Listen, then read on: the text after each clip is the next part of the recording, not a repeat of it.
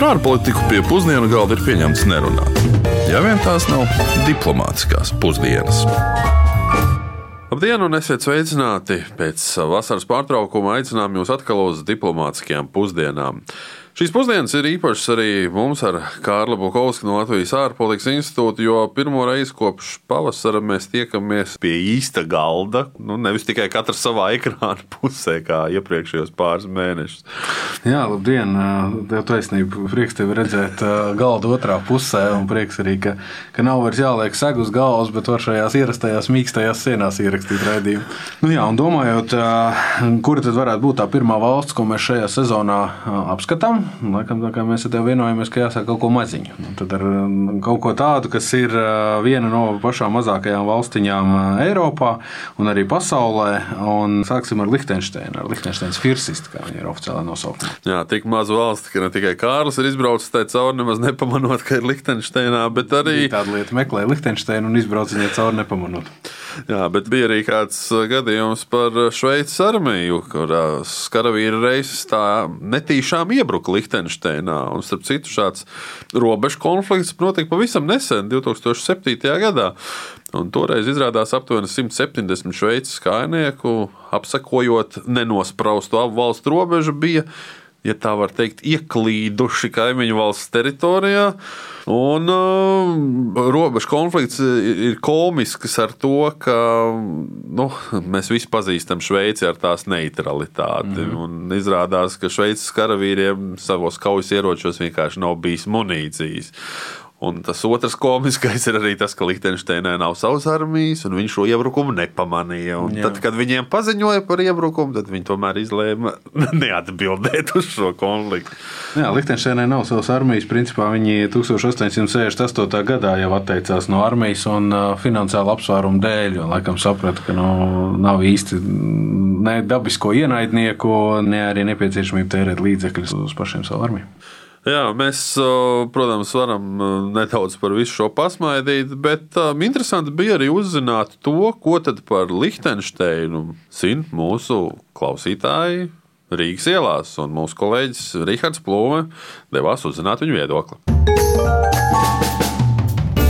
Ar ko jums asociējas Lihtensteina? Nu, nezinu, kāda austrumnieces kultūra. Es nezinu, kāpēc naudu un fondi. Liechtensteina ar ļoti mazu valsti.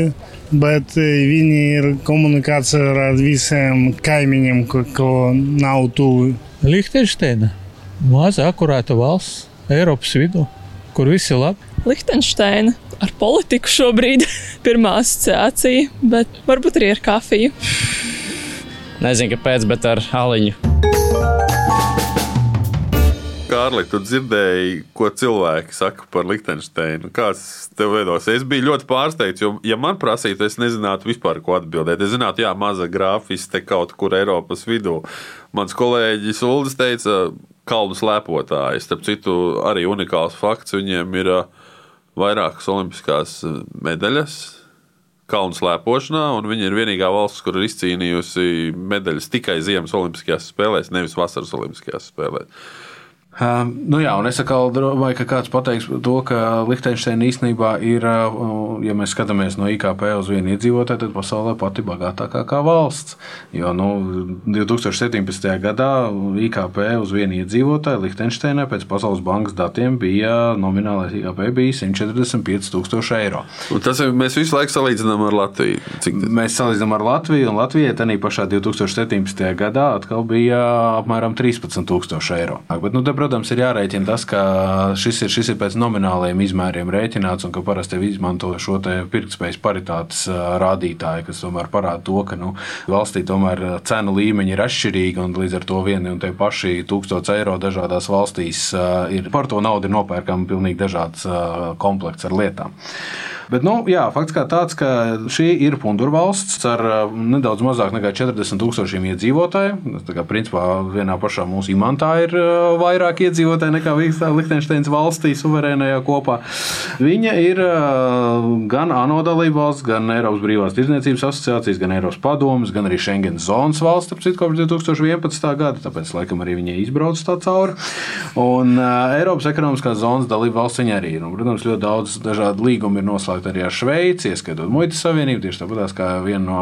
Valūta arī viņiem ir Šveices franka. Šveicis franku viņi izmanto, tur gan eiro arī nebija problēmas norēķināties eh, nevienā brīdī.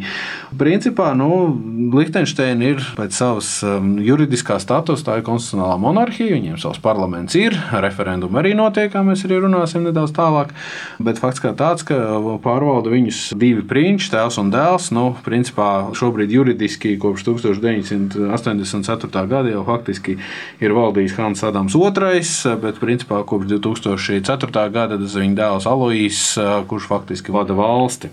Nu, protams, ja mēs paskatāmies uz Liechtensteinas ekonomiku, tad, nu, protams, tik mazai valstī liktos, ka kas, kas tad ir tas, kas ir viņu padarījis par šo te tik bagātu valsti. Nu, protams, tas ir lielā mērā tas, ka Liechtensteina ir bijusi bēdīgi slavena kā nodokļu paradīze, kur ļoti bagāti cilvēki, miljardieri ir slēpuši savus ienākumus Liechtensteiniešu bankās.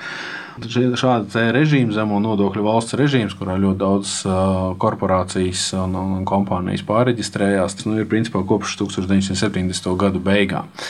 Pirms tam ekonomika, protams, ir bijusi diezgan daudzveidīga un diversificēta, bet es domāju, ka cilvēki, kas varētu zināt firmu Hiltī, kas ražo instrumentus, instrumentus tieši tā. Nu, tā ir, tā ir Liechtensteinas zināmākā kompānija. Bet iepriekš, vēl, vēl tajos pašos 60. gados, finanšu problēmu apstākļos, ir bijušas pat situācijas, ka Liechtensteinas tā kā dinastijai ir nācies pārdot gleznas, savus ģimenes dārgumus tikai tāpēc, lai valsts vispār kasi uzturētu. Jā, par punduru valstu fenomenu mēs līdz šim faktiski neesam stāstījuši un uh, gribējām arī turpināt jau tradīciju. Proti, pagājušo sezonu mēs uh, noslēdzām ar kādu no Latvijas eksprezidentu viedokļiem. Šoreiz mēs izdomājām, ka sezona arī varētu sākt ar kādu no eksprezidentiem. Šoreiz mēs prasījām par punduru valstu fenomenu, kā šīs valstis izdzīvo un kā viņas eksistē. Mēs prasījām bijušajam Latvijas prezidentam Valdim Zatleram.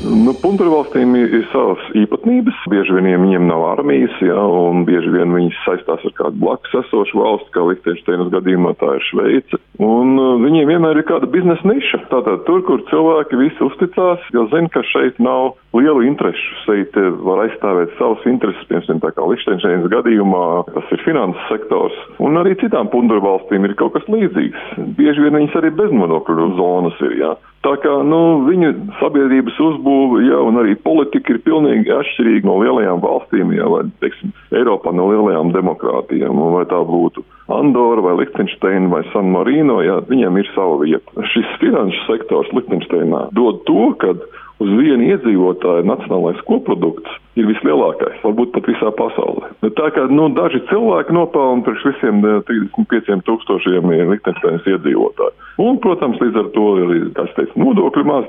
Viņi dzīvo savādāk. Un mums to grūti saprast, kāpēc viņas ir izveidojušās. Tas parasti ir izveidojušās kaut kad tad, kad vēl bija nu, hercogistas, firstu valstis un lielās impērijas, ja, kas nu, dalīja, un viņi kaut kur visām bija vajadzīgs kāds nostūrītis, ja, par kuru, nu, teiksim tā, neviens nestrīdējās. Jā, un paturpinot Zatarkungu tikko sacīto un noslēdzot arī domu par to, kas tad ir veido pamatu Liechtensteinas ekonomikai un šī finanšu sektora nozīmīgumu. Un te, protams, ir jāpiemina tas, ka 2008. gadā šis biznesa modelis tika ļoti aktīvi līdz ar suverēno parādu krīzes sākšanos, tika gan Liechtensteinā, gan arī Monako, gan arī citās nodokļu paradīžu valstīs. Tajā brīdī tika izdarīts spiediens, lai viņas šo izbeigtu, un faktiski jau nodokļu informācijas apmaiņa šobrīd jau starp Liechtensteinu un Eiropas Savienības valstīm notiekās.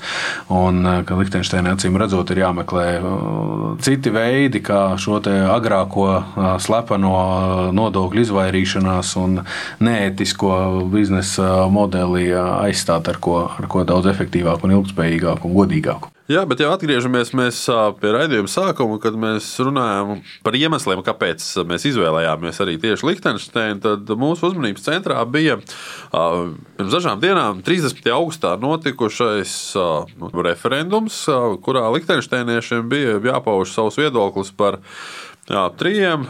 Nu, visai interesantiem jautājumiem. Nu, pirmkārt, vai apstiprināt izmaiņas konstitūcijā, kas nodrošinātu vienādu pārstāvniecību politiskajās institūcijās vīriešiem un sievietēm? Jā, nu te uzreiz ir jāatcerās, protams, ka Liechtensteina Eiropas kontinentā ir visnesenākā valsts, kura piešķīra sievietēm vēlēšanu tiesības, un tas notika tikai 1984. gadā.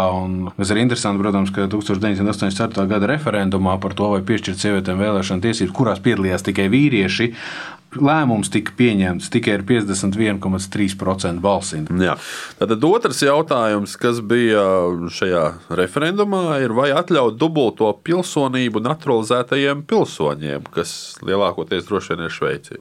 Nu, dubultās pilsonības ekonomiskā jēga laikam gan būtu bijusi nedaudz arī cita, tikai tāpēc, ka pie šī jaunā biznesa modeļa tomēr šveiciešiem ir svarīgi, ka rezidenti, pat ja viņi nevēlas iegūt Liechtensteinas pilsonību, kas nemaz tik daudz arī tiesības un diplomātsko aizsargātību nedod, protams, pasaulē, ka viņš šajā gadījumā būtu arī nodokļu maksātāji arī pašā Liechtensteinā. Jā, un trešais jautājums bija tāds, varbūt liekas diezgan nu, vienkāršs jautājums, bet beigās izrādījās, ka tas bija gan arī visstrīdīgākais jautājums. Proti, vai ļaut gan Austrijas, gan Šveices dzelzceļu kompānijām, dzelzceļa līnijām savienoties ar Liechtensteinas dzelzceļa tīklu, tādējādi paplašinot vietējo iedzīvotāju mobilitāti, kustību, arī vilcienu intensitāti.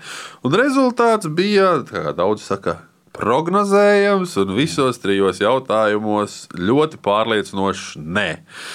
Pirmais jautājums, ko mēs runājam par sieviešu pārstāvniecību, šeit ir nobalsojuši 78,8% pret šādām izmaiņām. Tātad tas ir ļoti pārliecinoši, un arī šīs kampaņas pārstāvji cerē, bija cerējuši, ka nu, vismaz 35% cilvēku varētu atbalstīt, bet nu, redzam, ka pat tikai nedaudz pāri pa 20%. Nu, acīm redzot, šo pozitīvās diskriminācijas priekšlikumu tomēr lielākā daļa uzskatīja par lieku un nevajadzīgu. Rezultāts tiešām ir tāds, kāds viņš ir. Un, kā arī iepriekš jau dzirdējām no Zetlera kunga, mēs varbūt ne līdz galam saprotam šīs valstis, bet par īpatnībām dažādām mēs varbūt arī paturpināsim. Tieši tā.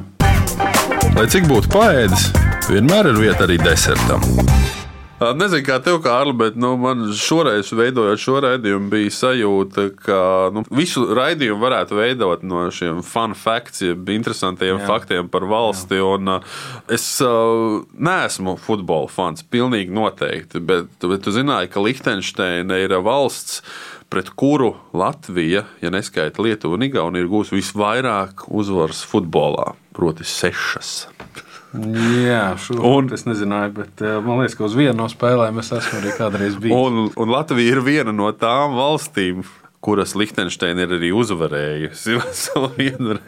Tāda tauta tiešām nav daudz. Bet uh, pirms mēs pārējām pie īstā deserta, ko tu mums šodien esi sagatavojis, uh, laikam viens uh, atgriežoties arī pie ekonomikas, un tāds interesants fakts, kas man likās no kultūras vēstures, jāsaka, ir par to, un valsts ekonomiskās vēstures, tas, ka nācās uh, 1967. gadā Liechtensteinas dinastijai nācās pārdot viņu īpašumu esošo vienu no mākslas darbiem, viņiem diezgan daudz viņi ir. Tā bija Leonardo da Vinci glāzna Ženēva de Benči, kas tajā laikā tika pārdota pārdot par 5 miljoniem dolāru, kas mūsdienu naudā ir aptuveni nu, 3-5 miljoni eiro. Un tādā veidā tika izglābts valsts finanses. Bet parasti īstenībā pēc desertēšanas ir jāparūpējās par ko? Par tīriem zobiem. Par tīriem zobiem. Un tīri zobi nevienmēr nozīmē veseli vai dabiski zobi. Un, jā, es jūtu, ka tu tūlīt stāstīsi par Liechtensteinas vienu no ekonomikas īpatnībām. Jā. Tiešām jūs esat izdomājuši ievietot savā mutē kādu mākslīgo zobu. Ļoti liela iespēja, ka šie zobi ir ražoti Liechtensteinā, jo Liechtensteinas kompānija Ivoklāra Vivadenta saražo 20% no visiem mākslīgajiem zobiem pasaulē. Un, tāpēc arī mākslīgo zobu ražošana ir oficiāli tiek minēta kā viens no galvenajiem eksporta avotiem. Nu, un ar šo mēs arī noslēdzam mūsu šīs sezonas pirmās diplomātiskās pusdienas. Paldies visiem tiem klausītājiem, kuri jau mums ir ieteikuši, kas viņus interesē un par kurām valstīm mums vajadzētu parunāt uh, decembrī. Un uh, tiksimies noteikti kādā no nākamajiem raidījumiem un turpināsim ņemt vērā jūsu ieteikumus, komentārus un vēlmes. Ja nākamajā nedēļā mēs dosimies uz Āfrikas ziemeļiem, runāsim par Maroku. Un noslēgumā es vien atgādināšu, ka mūsu raidījumu varat jebkurā piemērotā laikā klausīties arī podkāstos. Visiem Latvijas rādio ārpolitikas sižetiem un raidījumiem varat sekot arī piesakojot Facebook grupai ārpolitika tūplānā. Uz atdzirdēšanos jau pēc nedēļas. Lai izdodas! Diplomātiskās pusdienas katru otrdienu pusdienos Latvijas Radio 1.